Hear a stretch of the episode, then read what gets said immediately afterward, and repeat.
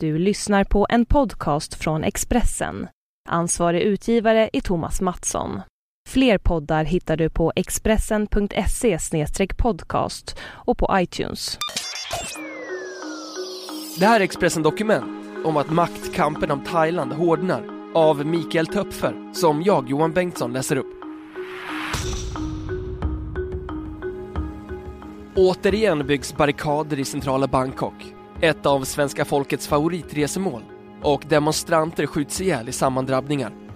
Ett nyval i februari har redan bojkottats och kommande åtal mot regeringspartiets parlamentsledamöter riskerar att fullborda kaoset, som verkar sakna en politisk lösning. Inbördeskriget kryper närmre.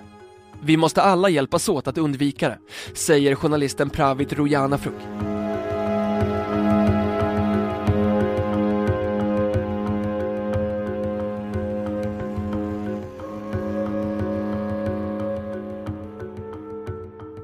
I Bangkoks lummiga regeringskvarter med sina breda boulevarder och många kanaler har regeringskritiska demonstranter byggt enorma barrikader kring flera kvarter.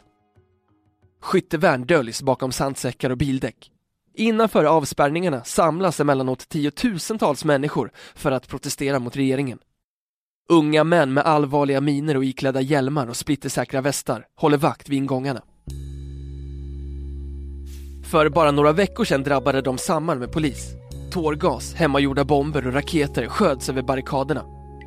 En handfull människor dödades i bråk, där också regeringsanhängare deltog. Det råder nu en spänd väntan. Många undrar vad som ska ske. En enorm logistik ligger bakom protesterna. Här finns stora scener och högtalarsystem, mat och dricka, bajamajor och duschar, tält och skyddsutrustning.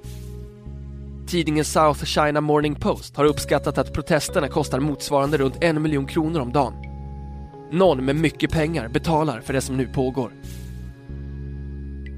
Demonstrationsledaren Sutep Taugseban, som lett de runt två månader långa protesterna och som ibland lockat närmare 200 000 ut på gatorna, har nu förklarat att man ska stänga ner Bangkok med start 13 januari och blockera viktiga vägkorsningar i sin kamp mot att få bort den folkvalda regeringen.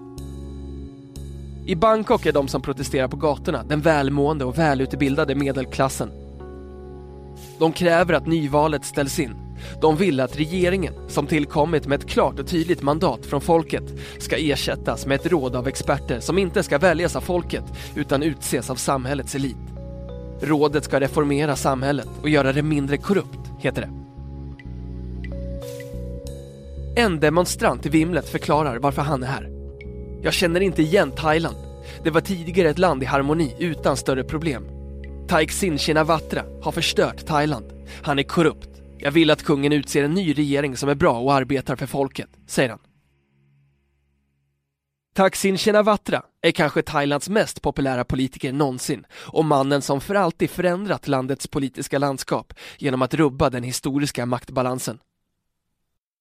Mot Thaksin Shinawatra står konservativa thailändare och den gamla eliten som längtar tillbaka till tiden då maktens centrum fanns i Bangkok och inga ifrågasatte samhällsordningen. Thailand var länge en utpräglad feodal jordbruksnation. En liten välutbildad elit i kretsen kring kungahuset hade tillsammans med militären i stort monopol på den politiska makten. Människor som studenter, vänsteraktivister och fackföreningsledare som krävde politiskt inflytande möttes ofta av militärens kulor, nästan alltid under förevändning att de var ett hot mot kungahuset. I själva verket handlade det om att den traditionella eliten i Bangkok inte var intresserad av att släppa ifrån sig sin makt, allra minst till fattiga bönder. I mitten av 90-talet kom Thaksin Shinawatra in på den politiska arenan. Han var en slug affärsman med politiska ambitioner han såg att det fanns en outnyttjad väljarresurs på landsbygden i de folkrika provinserna i norra och nordöstra Thailand, landets fattigaste och mest eftersatta region. Han reste runt här och sa rösta på mig så ska jag förbättra era liv. Han vann valet 2001 och cementerade sin makt genom att infria sina vallöften. Han gav de fattiga här billig sjukvård, krediter och förbättrad infrastruktur. En kvinna i norra Thailand sammanfattar Thaksin Shinawatras gärning. Han var den första politiker i landet som brytt sig om oss.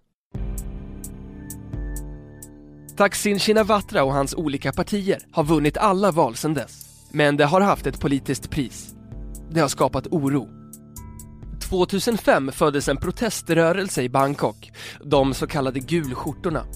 De bestod i stort sett av Bangkoks urbana medelklass och ansåg att Thaksin Shinawatra var korrupt, bröt mot mänskliga rättigheter och utnyttjade sin ställning för att berika sig själv och sina företag. Vi vet att han är korrupt, men det är ju alla politiker, säger Panida, en kvinna från norra Thailand som älskar Thaksin Shinawatra. För Thailands feodala elit var problemet mindre att han var korrupt och mer att han tillhörde fel grupp, varken den inre kretsen kring kungahuset eller militären. Än värre, den politiska makten hade med Thaksin Shinawatra flyttat från Bangkok till landsbygden i nordöstra Thailand. Det väckte en ilska i konservativa kretsar.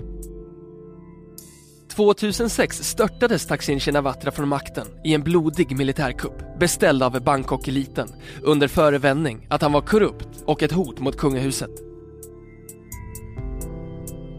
Tanken var att Thailand skulle bli bättre utan honom, men det blev bara värre. En ny politisk grupp föddes, Rödskjortorna. De var gulskjortornas motsats och stödde Thaksin Shinawatra. Tack vare ny teknik som internet och satellit-tv-kanaler var de medvetna om grundläggande orättvisor i samhället och sina egna rättigheter. Sen dess har det bara blivit värre. Kris på kris har följt på varandra med bråk, massakrer och domstolsutslag där Thaksin Shinawatras partier har förbjudits och upplösts. Men han har alltid kommit tillbaka med nya partier Idag leds Thailands regering av Thaksin Shinawatras yngre syster Yingluck som enkelt vann senaste valet 2011. Thaksin Shinawatra själv befinner sig i självvald exil efter en dom för maktmissbruk. Den politiska oppositionen i parlamentet, Demokraterna, som har nära band till protestledaren Sutep Thaugsuban, är utspelad och skulle förmodligen inte vinna ett kommande val. De har övergett tanken på en folkvald regering och önskar sig istället ett icke-valt styrande råd. Parlamentet är upplöst och nyval utlyst till 2 februari. Men Demokraterna försöker sabotera genom att bojkotta valet. Det är oklart om valet kommer att hållas. I grunden finns två väldigt olika synsätt på hur Thailand ska styras och vem som ska ha makten.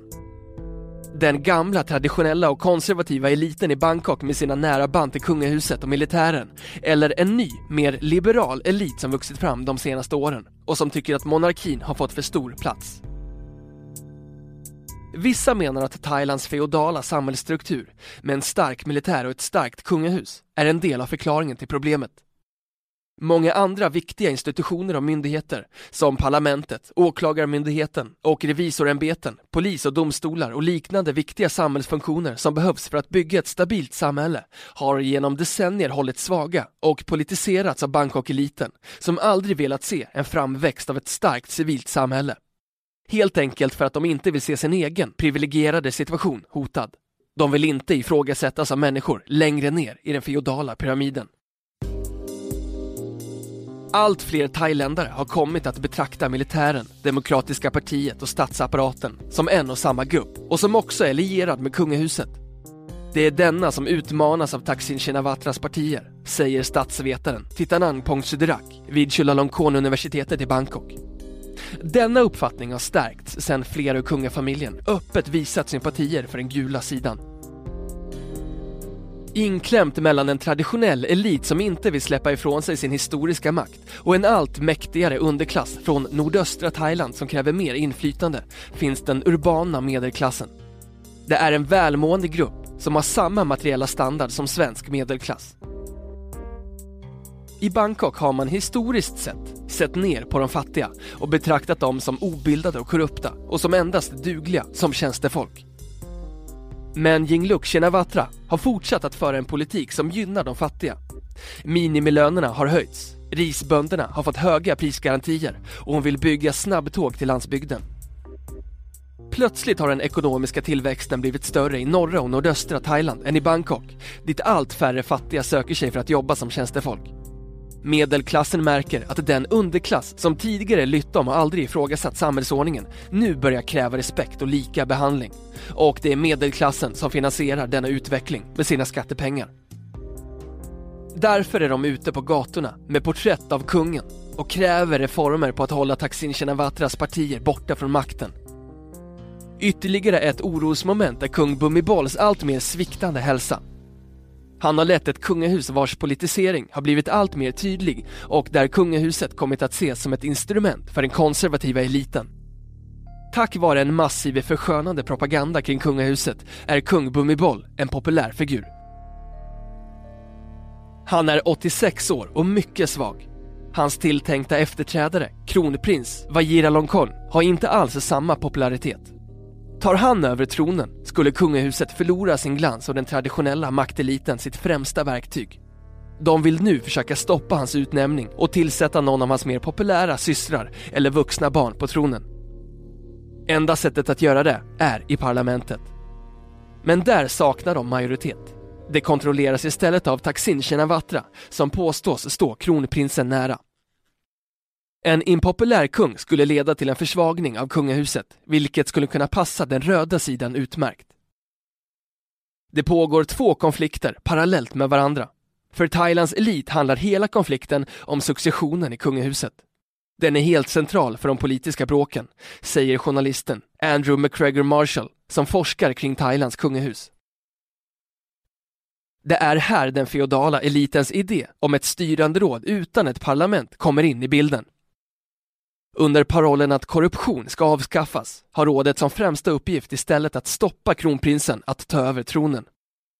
Ett styrande råd valt av samma konservativa elit som nu finansierar de pågående protesterna skulle vara bästa sättet att få kontroll över successionen och säkerställa det egna inflytandet över Thailand i minst en generation till.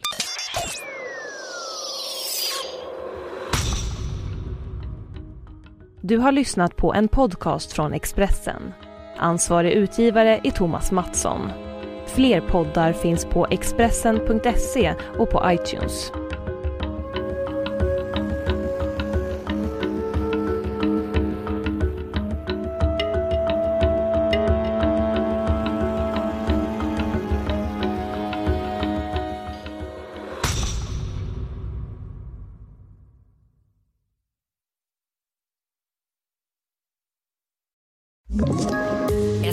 Poddtips från Podplay. I fallen jag aldrig glömmer djupdyker Hasse Aro i arbetet bakom några av Sveriges mest uppseendeväckande brottsutredningar.